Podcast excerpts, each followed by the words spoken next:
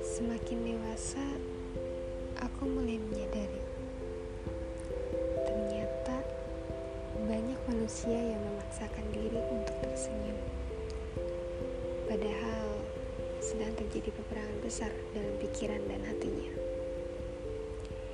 Yang aku temukan justru mereka yang terlihat bahagia adalah orang-orang yang terlatih menyembunyikan masalahnya.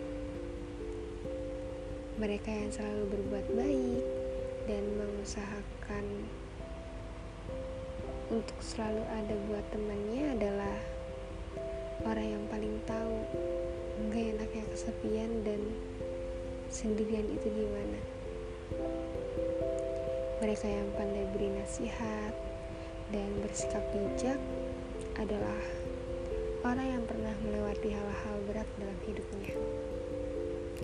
Jadi, kalau kamu ketemu orang yang sering tersenyum, terlihat selalu bahagia, selalu berbuat baik, dan bijak, aku titip dia ya. Tolong bantu jaga dia, karena sebenarnya dia juga rapuh dan butuh dikuatkan.